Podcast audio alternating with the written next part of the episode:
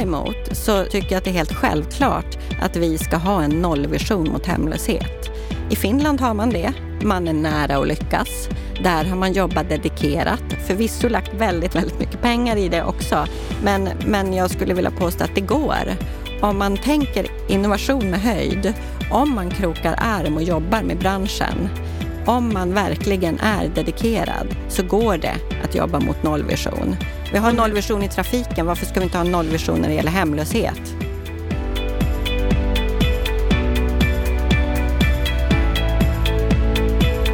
Hemlösheten i Sverige bara ökar. Mörkertalet är riktigt stort. Det kan vara så många som 100 000 som är socialt och strukturellt hemlösa. Vad gör vi åt det? Går det att få en nollvision? Ja, Pernilla Parding, som du hör här i veckans program, som jobbar på Stockholms Stadsmission, hon tror att en nollvision mot hemlöshet, det är precis vad vi behöver. Och Lennart Weiss som kommenterar det här samtalet, han är helt på hennes linje. Men då behövs det en samordning när det gäller politiken både på riksnivå och kommunal nivå i kombination med alla initiativ som görs. Varmt välkommen till Bopolpodden. Vi har ett riktigt intressant och angeläget samtal idag. Varmt välkommen. Jag heter Anna Bellman. Hur ska vi komma till rätta med hemlösheten? Mm. Det finns många tankar om detta och Stockholms Stadsmission de har visionen att Stockholm inte ska ha en enda hemlös 2030. Hur har de tänkt där? För att ta reda på det så har vi bjudit in den som är programansvarig för socialt hållbara bostäder på Stockholms Stadsmission. Varmt välkommen till Bopolpodden, Pernilla Parding. Tack så mycket Anna. Det är jätteroligt att få vara här. Det är väldigt roligt att ha dig här. Vad är din sinnesstämning idag? Eh, just nu är jag väldigt glad. Eh, jag blir så glad när det är så vackra septembermånader. Eh, och jag känner också en, en beslutsamhet över, över det läge vi har både i landet och i världen. Så jag blir ju taggad utav det. Jag tänker att nu, nu är det dags att kavla upp ärmarna. Har vi inte gjort det förut? jo, men nu ännu mer. Nu ännu mer. Ja. Du, när man läser om dig på din LinkedIn så skriver du så här om dig själv att min yrkesmässiga passion är att skapa förutsättningar för människor som lever i utanförskap att åstadkomma förändring. Jag vill bidra till social hållbarhet och motverka hemlöshet. Det är ju väldigt stora ord. Du vill verkligen bidra till förändring. Ja, jag vill åstadkomma stor skillnad tillsammans med, med eh, min organisation eh, och andra inom idéburen sektor. Jag tänker att vi är en outnyttjad potential eh, när det handlar om att åstadkomma stor skillnad. Du har ju jobbat på Stockholms Stadsmission sedan början av seklet. Du är socionom. Det låter ju inte riktigt klokt Nej, det låter inte klokt. Du fyller ju snart 50 så det kanske inte är så mm. konstigt heller. Hur kommer det sig att du mm. kom in på den här banan? Ja, jag tror att jag alltid har haft ett, ett en nyfikenhet eh, över människan och samhället, hur saker och ting hänger ihop. Eh, och så var jag samtidigt, tror jag, lite för, lite för otålig för att gå psykologlinjen. Jag tyckte den var lite väl lång.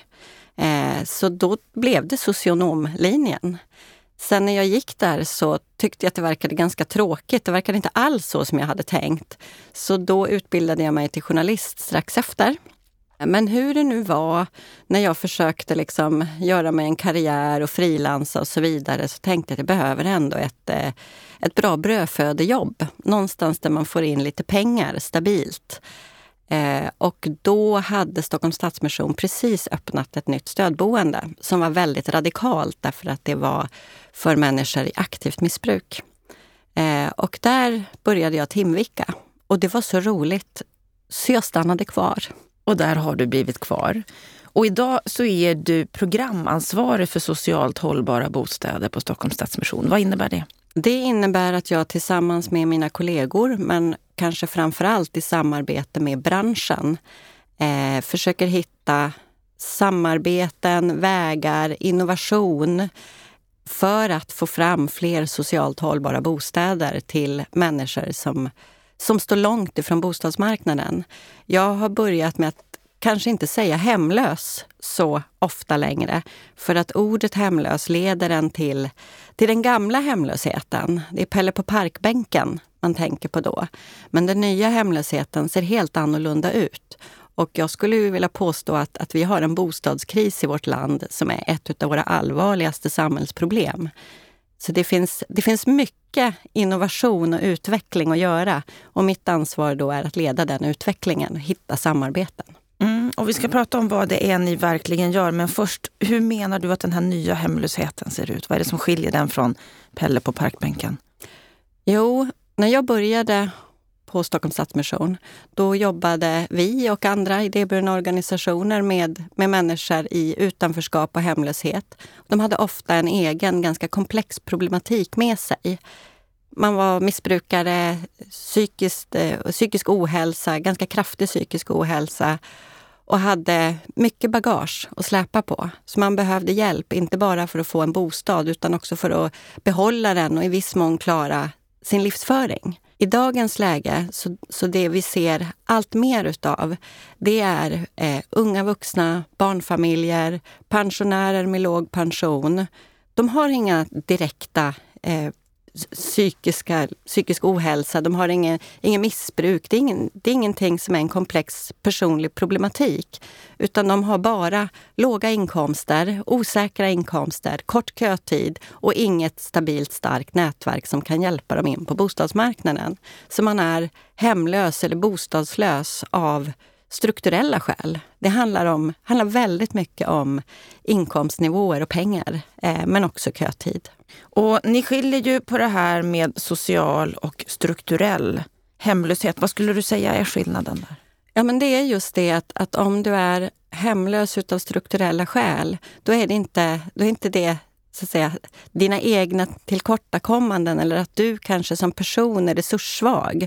Utan det är för höga trösklar in på dagens bostadsmarknad. Och det tror jag att de flesta som lyssnar vet hur, hur mycket det kostar eh, att köpa en lägenhet, eh, nästan oavsett var i landet du befinner dig. Eh, men att det också är väldigt höga trösklar och höga hyresnivåer för att komma in på, på bostadsmarknaden, hyresmarknaden. Det är jättesvårt har du inte någon du känner som du kan låna pengar av eller som kan gå i borgen för dig, om du har ganska kort kötid och inte har så mycket pengar att betala i hyra. Jag tror jag har läst att, att 60 procent av stockholmarna kan inte efterfråga en nyproducerad trea oavsett om det är en bostadsrätt eller hyresrätt. Och då tänker jag, det, det tycker jag ger en fingervisning på hur allvarligt det här problemet är. Så om vi, om vi tittar på i reella siffror, så att säga, hur många är hemlösa enligt de här definitionerna? Jag hoppas på att vi snart får en ny hemlöshetsräkning som också riktar in sig på människor som är hemlösa utav strukturella skäl. För det har vi inte idag, eller? Nej, jag skulle vilja påstå att, att den, den eh, räkning som gjordes av Socialstyrelsen 2017, den är daterad till att börja med. Där, där säger vi 33 000, men det är så länge sedan så att det, den siffran är daterad. Vi behöver en ny. Jag vet att det också finns ett väldigt stort mörkertal för många av de som är hemlösa av strukturella skäl. De bor ju någonstans de kan inte få hjälp med en bostad, en, en långsiktig bostadslösning utav socialtjänsten. Så de finns inte i så att säga, alla rullor. Jag hoppas att vi kommer hitta ett sätt att räkna på som, som når ut till fler utav de som faktiskt flyttar runt, bor på soffor, bor trångbott, bor på osäkra och illegala kontrakt. För jag tror att det, det är där vi har de flesta av de här unga vuxna och barnfamiljerna. I vårt land sover de gudskelov inte på gatan eh, i de flesta fall. Däremot så bor de eh, de har inget hem, de flyttar runt, de har tak över huvudet, ja. Men, men det är inte en tillvaro som vare sig du eller jag skulle vilja ha. Så 33 000 är den senaste siffran vi har, men förmodligen är mörkertalet betydligt större när det gäller den strukturella hemlösheten. Betydligt större, ja. Och den sociala hemlösheten? Den sociala hemlösheten tycker jag att vi har hittat ganska bra metoder och angreppssätt för. Eh, vi har ju en, en, modell som heter Bostad först som vi nu har till och med i regeringens hemlöshetsstrategi. eh, vilket vi är mycket glada för. Vi på Stockholms Stadsmission har jobbat, eh, lobbat för den eh, under väldigt många år. Och jag tror att det kommer göra skillnad för de som är hemlösa och har en komplex problematik. Det är en riktigt bra modell för att, att eh, hjälpa människor med en komplex problematik, både in på bostadsmarknaden men också hjälpa dem att, att kunna bo bra och bo kvar och behålla sin lägenhet. Så om vi tittar på den här problematiken så har vi en både social och strukturell hemlöshet som blir värre. Ja, framförallt den, den hemlösheten som beror på strukturella skäl. Ja. Vilka är det som är i riskgruppen för att hamna där? Ja, dels så handlar det ju om unga vuxna som kanske inte har ett nätverk, som inte har en mamma och pappa eller en faster eller liknande. Som kanske själva är, är uppvuxna i, i familjer som redan bor trångbott. När de fyller 18 så de är kanske, kanske sex barn och bor i en trea. Eh, dags att flytta. Eh, också många av de unga som har kommit eh, till vårt land själva som inte heller har något nätverk. De jobbar på som, som bara den. Eh, men det är svårt att få ett sparkapital, att fixa sig själv ett sparkapital när man pluggar och jobbar extra med låg lön. Eh, men sen tänker jag nog framför allt på, på eh, barnfamiljer och ensamstående mammor och pappor med barn. Eh, och om man tittar på vad en om man gör ett litet tankeexempel så, så tänker jag att ja, men om man har en vanlig medelinkomst i Sverige idag, får ut sig 28 000. Eh, och så skiljer man sig och så har man två barn och så ska man hitta någonstans att bo. Och du har inga pengar på banken, du, in, du känner ingen som kan hjälpa dig och du kanske har stått i kö, ja, och du får en bostad, en hyresrätt. Men med den så att säga, nivån som du har så kanske du har råd med en, en liten tvåa. Det kanske är vad du har råd med. Eh, men inte så mycket mer om du, om du är ensamstående. Då är det svårt att få pengarna att räcka. Jag läste någonstans att, att eh, om man betalar mer än 40 procent utav sin disponibla inkomst i eh, rena boendekostnader, då är det svårt att, så att säga, klara av den övriga hushållsekonomin över tid. Eh, givet att man då är medelinkomsttagare och inte tjänar jättemycket pengar, då är det någonting annat. Men, men eh, det, om, om man då tittar på den nivån i nyproduktion som vi har idag, då, är det, då kommer många upp i 40 procent. Och framförallt i storstadsregionerna? Framförallt i storstadsregionerna. Hur många barn är det som lever i, i hemlöshet? Jag tycker, så här, det, det, är fortfarande så att vi har inte, vi har inte de inte beräkningarna. Så jag tycker det är svårt att svara på. Men, men om man det finns på, många barn ja, i de här Ja, och jag skulle, jag skulle nog säga så här att där på Stockholms Stadsmission så har vi flera verksamheter. Vi jobbar med, vi har liksom riktiga eh, verksamheter för boende, men vi har också många öppna mötesplatser för barn och deras familjer. Eh, och väldigt många av dem eh, har inget stadigvarande boende. Jag skulle säga att majoriteten av dem saknar stadigvarande boende. En del av dem befinner sig i sån kris så att de ringer till oss och är desperata. Jag har ingenstans att ta vägen med mina två barn nästa vecka, nästa månad. Jag vet inte vart jag ska bo. Kan ni hjälpa mig? Akuta ja, situationer. Och precis, vä väldigt akuta. Eh, och där är det mestadels barn inblandade. Jag, jag läste ett, ett mejl som jag fick av er igår där ni skriver att de här mötesplatserna där man får lunch, mm. att andelen som kommer för att få lunch hos er ökar väldigt mycket just nu. Människor som inte ens har råd med, med mat för dagen. Och jag tänker på den situation som vi har just nu i vårt samhälle med höga räntor, hög inflation, matpriserna som rusar, elpriserna som rusar. Vad betyder det här för hemlösheten? Ja, det är nästan, nästan lite otäckt att spekulera i, tänker jag. Eh, jag tror att vi som har jobbat inom socialt arbete och, och även andra branscher minns 90-talskrisen. Eh, då det faktiskt var så att många människor inte kunde bo kvar för att de hade inte råd. Eh, och om den här krisen blir långvarig så tror jag att det är vad som kommer hända nu också. Eh, och då kommer det nya grupper som faller ur systemet. Eh, där det kanske är så att man, man har ingen erfarenhet av att leva på väldigt låg inkomst. Och våra stödsystem, de skulle jag nog säga ser ännu sämre ut nu än vad de gjorde på 90-talet. Så att det kommer vara en chock för väldigt många. Och då kommer det nya grupper eh, som, som inte får ihop liksom till, till det mest basala, bostad och mat. Så den här största samhällsproblematiken som du ju nämnde det som i början, den kan bli ännu värre. Mycket, mycket värre.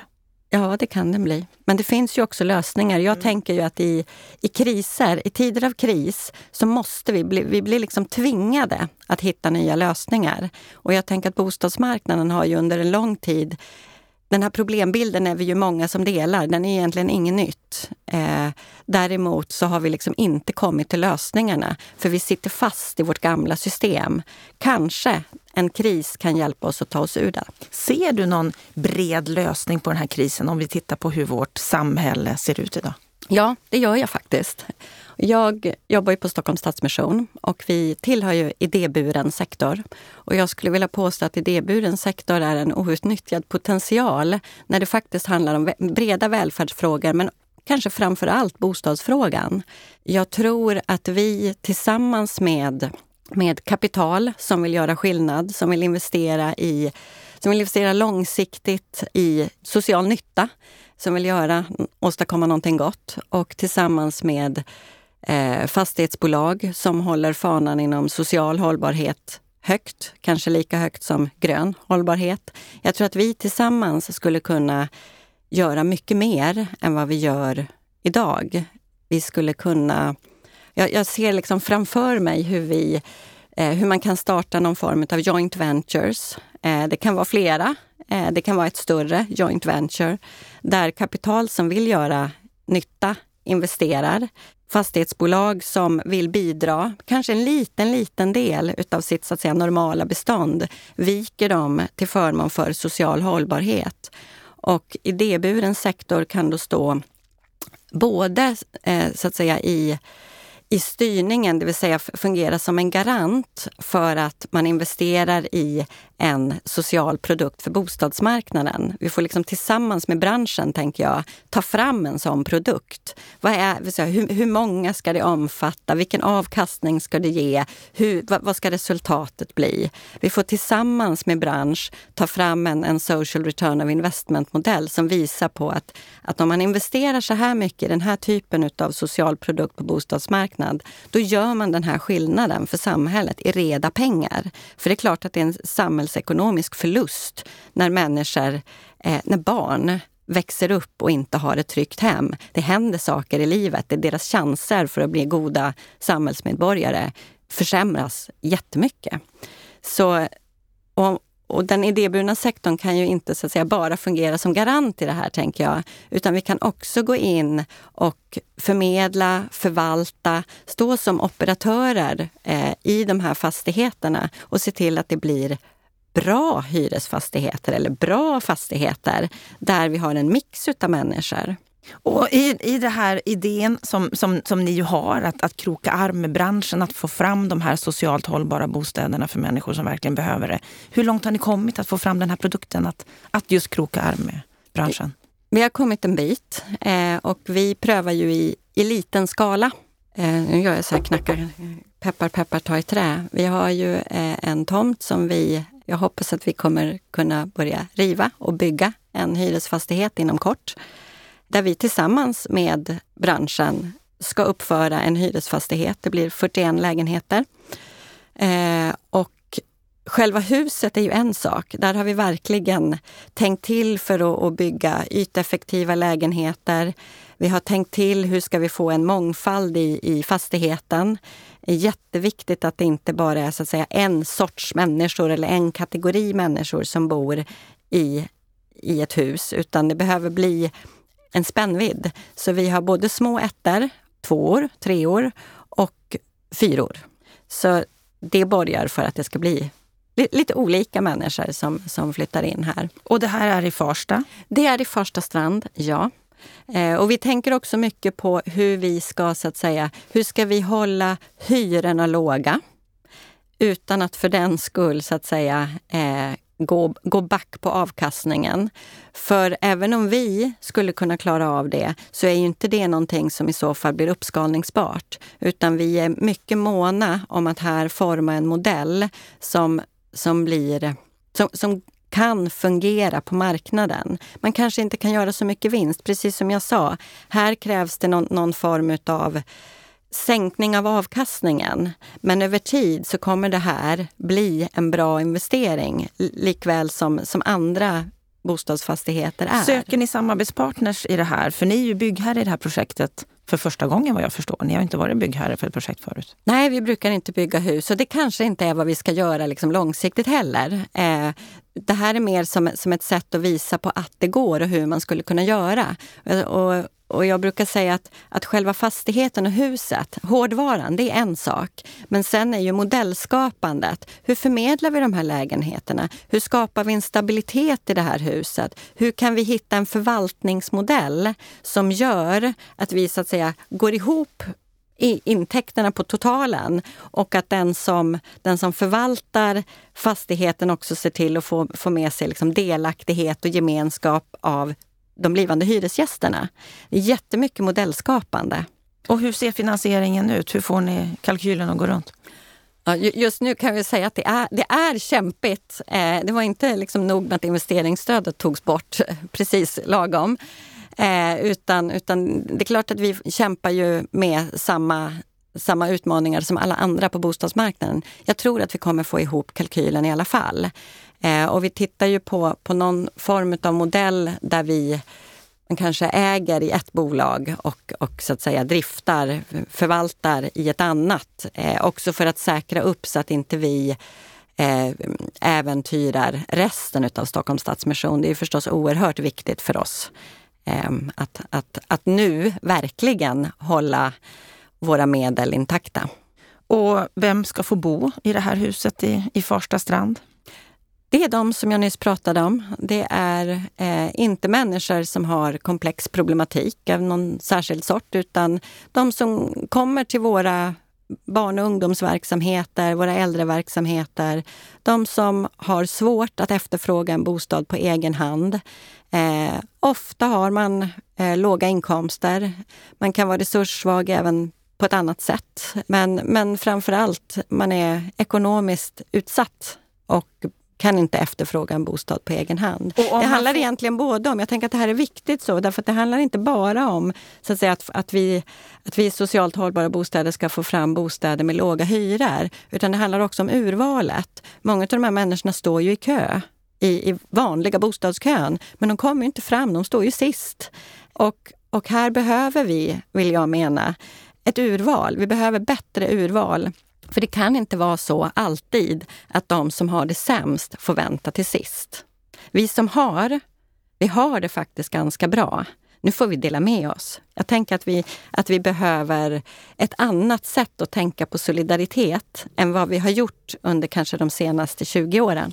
Och om de här personerna som flyttar in får det bra ekonomiskt, blir så att säga för bra för att bo i era lägenheter? Får de bo kvar eller händer det någonting då?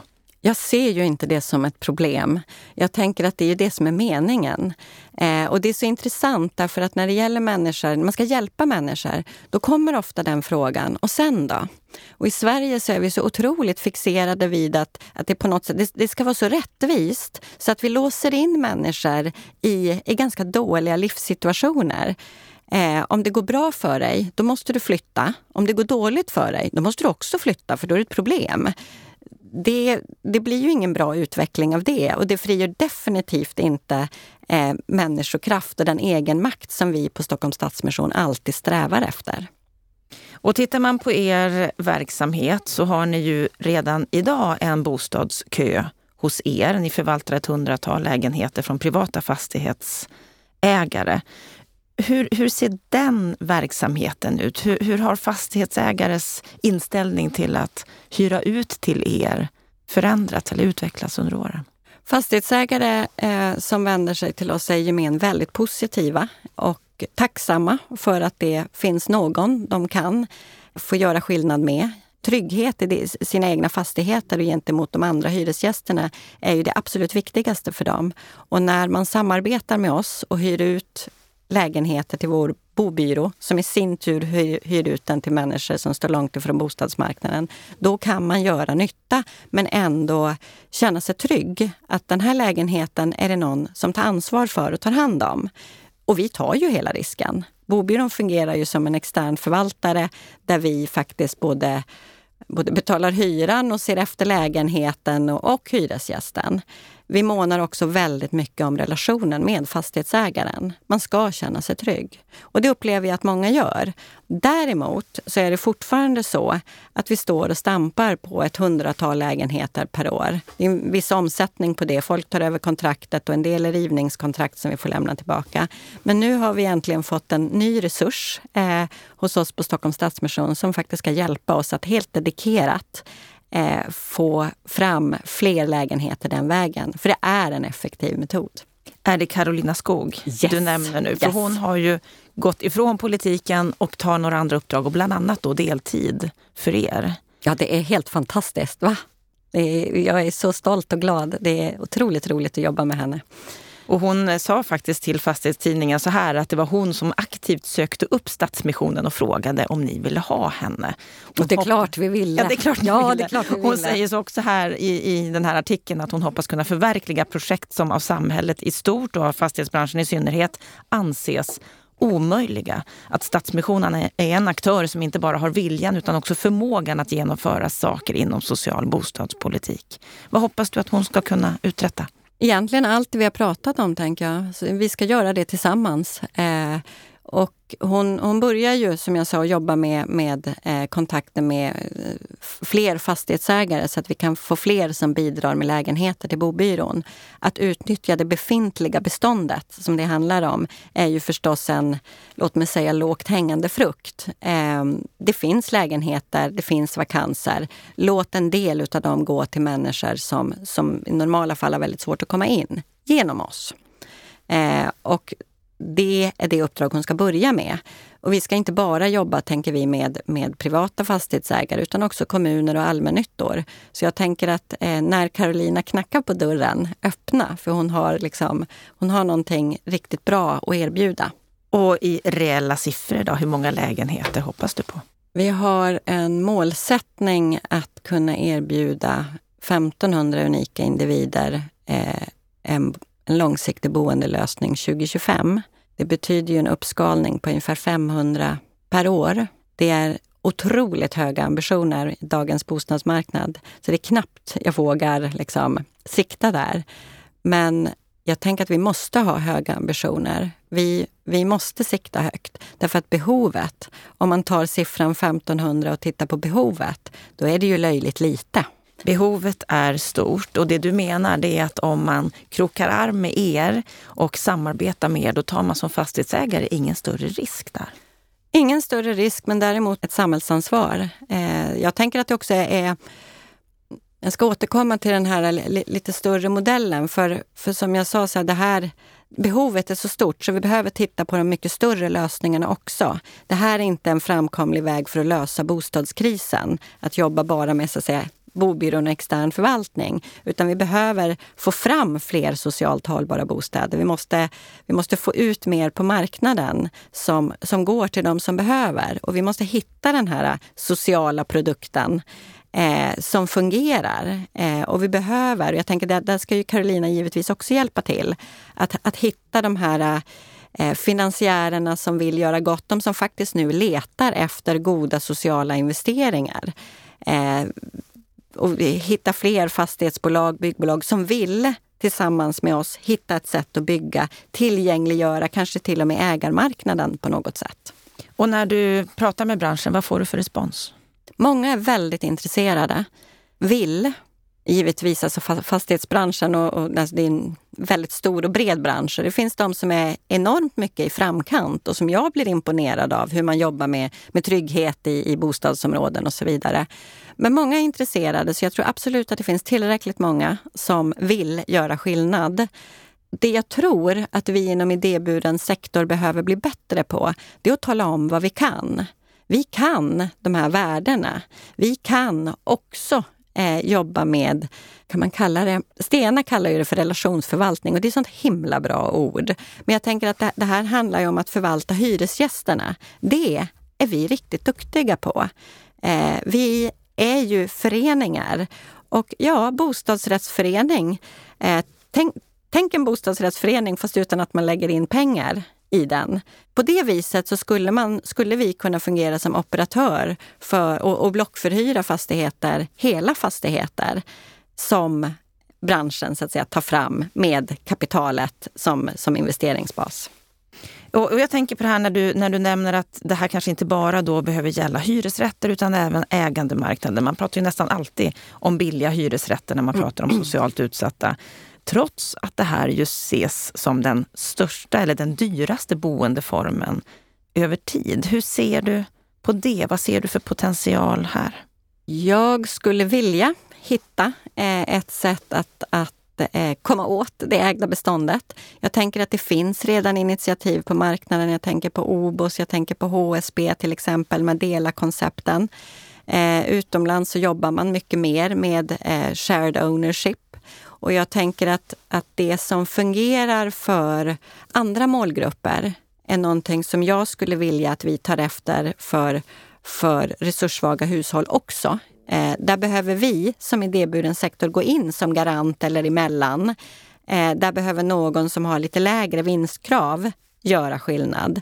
Men om modellen fungerar som sådan med instegsboende eller HSB delar det konceptet, då tror jag att den fungerar även för våra målgrupper. Man kanske behöver öka tiden, alltså istället för att man ska betala av någonting på fem år så kanske det är 15 år. Vi behöver tänka mer liksom studielånsaktigt.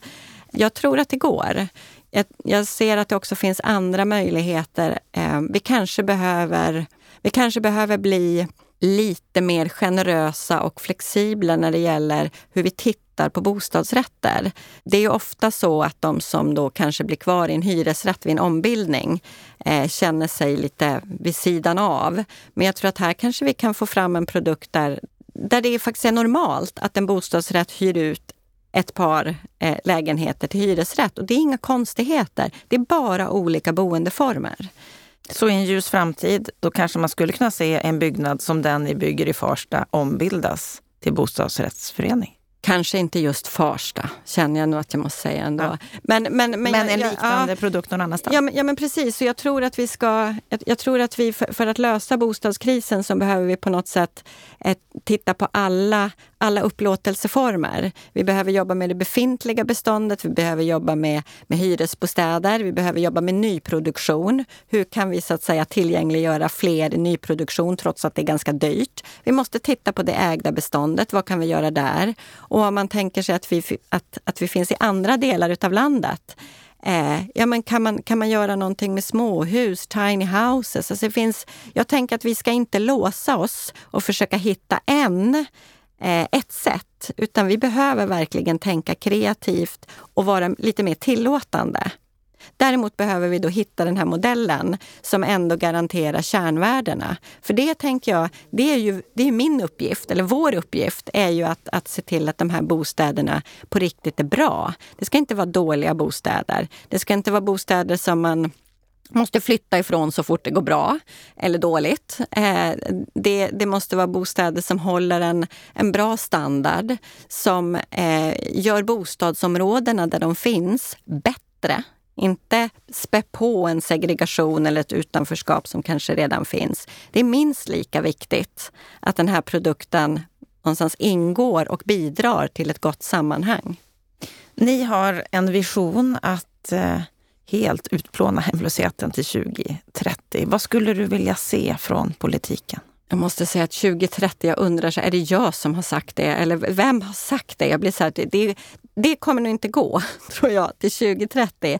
Däremot så, så tycker jag att det är helt självklart att vi ska ha en nollvision mot hemlöshet.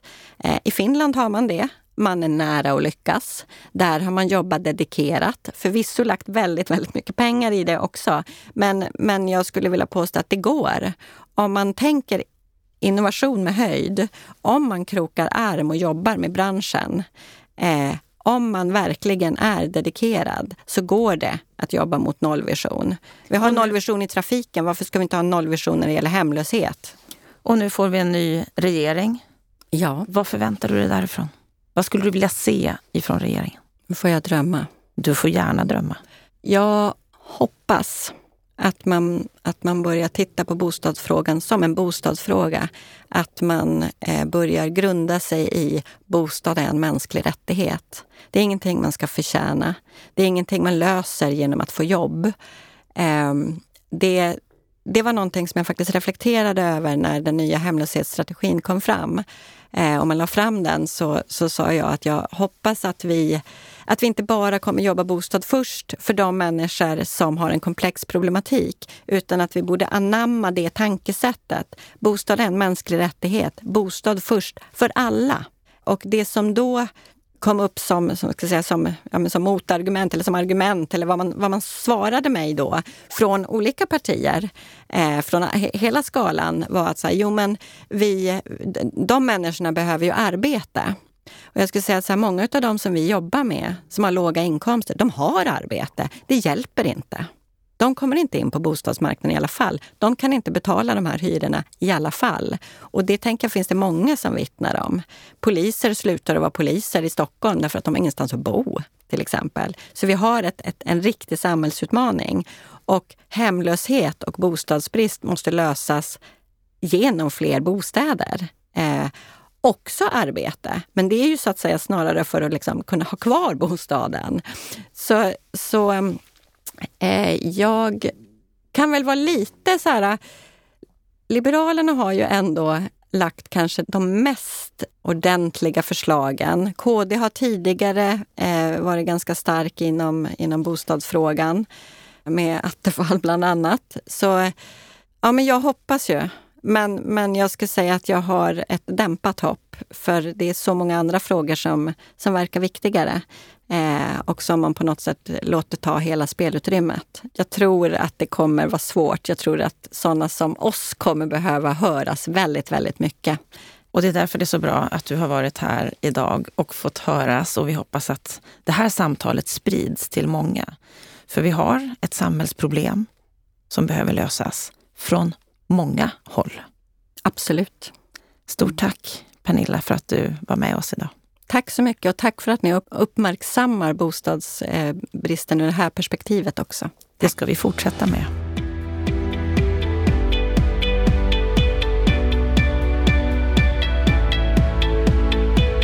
Då har vi hört samtalet med Pernilla Parding och hennes önskan om en nollvision när det gäller hemlöshet. Lennart Weiss, du har hört det här samtalet. Vad, vad säger du om det? Ja, till att börja med så är det ju en sann eldsjäl som du har haft i studion. Man riktigt känner ju hur engagemanget vibrerar under ytan och jag har ju träffat Pernilla ett antal gånger så att jag vet ju att det är så. Hon har stark drivkraft i det här och Stadsmissionen gör ett eh, fantastiskt jobb. Eh, och vad säger jag om samtalet? Jag, jag tycker att det är ett intressant samtal som visar hur Stadsmissionen har eh, för det första satt sig in i, i de frågor som ligger i gränslandet mellan social verksamhet och fastighetssektorn. Och jag tycker också att de tar spännande initiativ eh, som dock riskerar att kanske råka ut för en del motgångar eh, i den konjunktur vi befinner oss just nu. Du menar att få ett engagemang ifrån fastighetsägare? Ja, därför att den utveckling som vi har just nu med stigande räntor gör att avkastningskraven, så kallade yielderna, kommer att öka. Eh, det är helt enkelt en nödvändighet för att man ska kunna försvara fastighetsvärdena och, och, och då blir det ännu svårare att få ihop en kalkyl. Så att även om de vrider och vänder på kostnader en hit och en dit så kommer det, i varje fall under en övergångsperiod, bli svårare. Det betyder inte att jag tycker man ska lägga locket på. Det finns säkert fortfarande billigt kapital att hämta här och där från stiftelser och fonder och vad det nu kan vara. Men det kommer bli svårare. Och när det gäller då deras engagemang, att de inser att vi behöver hitta samarbeten med branschen, vad, vad skulle de kunna göra för att få ett ökat samarbete? Ja, alltså en väg som jag tycker man borde kunna pröva, det är att göra kontrakt med befintliga fastighetsägare på lägenheter som finns i beståndet. Om vi tar en sån som Stefan Renck på Einar Mattsson. Han har ju argumenterat för microsocial housing, det vill säga att man skapar bostäder för socialt behövande i beståndet. Och, och, då, och, då, kan vi i det här sammanhanget tala om båda kategorierna som, som eh, Pernilla talar om, nämligen både strukturellt hemlösa och socialt hemlösa. Han är ju en fastighetsägare som har öppnat för den typen av lösning. Ja, varför inte göra avtal mellan Stadsmissionen och eh, socialt engagerade bolag, typ Einar Mattsson, på att få tillgång till ett visst antal bostäder där Stadsmissionen tar ett större ansvar för kontakten med de här människorna. En del utav, ska vi säga, eh, säkerställer att, att eh, den löpande att, de som bor, att hushållen faktiskt tar ansvar för lägenheten, så att man inte får onormal förslitning, sköter den sociala delen av det hela. Eh, överhuvudtaget, och det tror jag skulle kunna också bidra till det hon kallar för relationsförvaltning, där uppenbarligen stenar ligger i framkant, skulle kunna få eh, ökad spridning. Så att jag tror att den typen av samspel skulle öka deras kontaktytor och det skulle möjliggöra för fler eh, som just tillhör kategorin ekonomiskt svaga att eh, komma ut i bostadsmarknaden. För de har ju svårt att komma ut via nyproduktionen. De måste komma in i beståndet där det, där det finns lägre hyror. Då pratar du om mikrosocial housing och du har ju tidigare varit emot social housing. Har, har, har du vänt i den frågan? Ja, alltså jag är mindre delägare i ett bolag som eh, sysslar med stödboende. Så att även om jag inte är i direkt kontakt med hemlösheten så är jag i kontakt med den typen av problem som socialtjänsten har och kriminalvården när det gäller att placera ungdomar som ska återanpassas till ett normalt liv. Och det som ju är den stora svårigheten det är att få dem från oss till nästa boende, det vill säga ett reguljärt boende. Det finns alltså ett strukturellt problem på bostadsmarknaden som inte löses av att du bygger mer. På den punkten så har jag haft samma uppfattning hela tiden. Jag har varit väldigt skeptisk till Hyresgästföreningens och allmännyttans generella recept att bygga mer så löser man det här problemet. Nej, det gör man inte. För särskilda grupper behövs särskilda lösningar. Och så där kan jag väl säga att jag sakteliga har blivit mer och mer eh, medveten om att det måste till speciallösningar. Ja, men har vi inte det då? Jo, det har vi. Vi har det med till exempel Stockholms specialbostadsförmedling då, eller bolag SHIO eller vad det nu heter, eh, som, som har ungefär 4500 lägenheter. Alltså en typ av kommunalt bostadsbolag för socialt eh, svaga. Till det har du sociala kontrakt och så vidare. Man kan beträda olika vägar här. Man kan öka antalet sociala kontrakt, man kan öka antalet HVB-hem och så vidare. Men för gruppen strukturellt hemlösa så behövs det nog eh, ytterligare en annan lösning. Jag, jag tror tyvärr att det är så. Och det jag, kan, det jag kan tänka mig på tal om Pernillas spaning här om vad en kommande regering ska göra, det är att jag tror att det är hög sannolikhet för att de kommer att pröva en ny typ av statligt stöd för byggandet som just har den här inriktningen med någon typ av social housing. Och då kommer de ju akta sig för att trampa eh, på de eh, punkter där man vet att kritiken ifrån Hyresgästföreningen allmännyttan skulle vara som hårdast. Alltså, så tror jag man kanske kan se framför sig någon typ av svensk variant av mikro social housing. Och eh, då säger jag så här, ja det kanske är dags att pröva. Vi mm. kan ju i varje fall inte fortsätta att blocka alla förslag till lösningar. Till slut måste vi vara för någonting också som faktiskt fungerar. Hon eh, hänvisar ju till Finland som har nollvision mot hemlöshet. Hon vill ju själv se en nollvision i Sverige. Och tittar vi på Finland så är de nere på 4 000 hemlösa. Vi kan inte exakt jämföra siffrorna, men Pernilla sa ju själv här 33 000 och då sa hon att det är ett stort, stort mörkertal. Och jag läste en artikel här där Hanny Runavara, som är professor i sociologi vid Åbo akademi och även gästprofessor på Institutet för bostadsforskning i Uppsala. Och han säger så här, att det är en allmän uppfattning bland experter att framgången i Finland bygger på en tillämpning av en finländsk version av Housing First-principen att ge den bostadslösa bostaden först och först efter det börja lösa hans eller hennes andra problem, som exempelvis arbete eller vad det kan vara. Vad säger du om den här framgången som Finland har när det gäller hemlöshet? Jag kan inte den modellen mer i detalj, men jag gillar synsättet. Bostadsförst tillämpas ju här och där i Sverige också och så vitt jag förstår med, med god framgång. Men det som är skillnaden mellan Sverige och Norge som jag uppfattar det, för Sverige och Finland, det är ju att finländarna har hittat en politisk linje där stat och kommun går i takt. Det har ännu inte skett i Sverige. Det är kommunerna själva som har jobbat med bostadsförst-linjen. I Sverige finns inget nationellt mål och vidare så har man ju då en typ av social housing då som, som eh, ger ett alternativ för den här gruppen. Så att, eh, och jag vet att eh, jag menar, svenska riksdagspolitiker har, har eh, eh, åkt flitigt på studiebesök till Finland för att studera den här modellen. Och jag hör även från socialdemokratiska politiker att de kommer hem och ja, de har vissa invändningar men de tycker ändå att det är intressant. Jag skulle vilja peka på det som ett alternativ. Jag tycker också att det, Norge är ett alternativ i sammanhanget som ju har öppnat ägarmarknaden genom det man kallar för boligtillskudd, alltså egenkapitalstöd, som ju har skapats för en familj med två McDonalds-löner som har fastnat i dyrt andrahandsboende. Det är ett antal hundra, kanske 1 till 2 000 hushåll som, per år som slussas över från den dyra hyresmarknaden i Norge till ägarmarknaden med den här metodiken. Eh, och, och det norska boligtillskuddet skrivs av successivt under tio år för att vara på noll efter tio år, vilket ju är helt fantastiskt. Och jag tycker också att man, man kan peka på de förslag som både Liberalerna och Socialdemokraternas eh, programgrupper har lagt fram i Sverige om någon typ av tidsbegränsade kommunala sociala kontrakt. Då syftar jag alltså på den socialdemokratiska expertgruppens förslag från 2018 och Liberalernas program från förra året. Så det finns ett antal olika alternativa framkomstvägar som det är dags för politiken att titta på på allvar. Så det är rimligt med nollvision? Tror du på det? Ja, det, det är absolut rimligt. Eh, eh, alltså om man, inte, så, om man inte formulerar det som ett bokstavligt noll, för några bostadslösa kommer det nog alltid att finnas.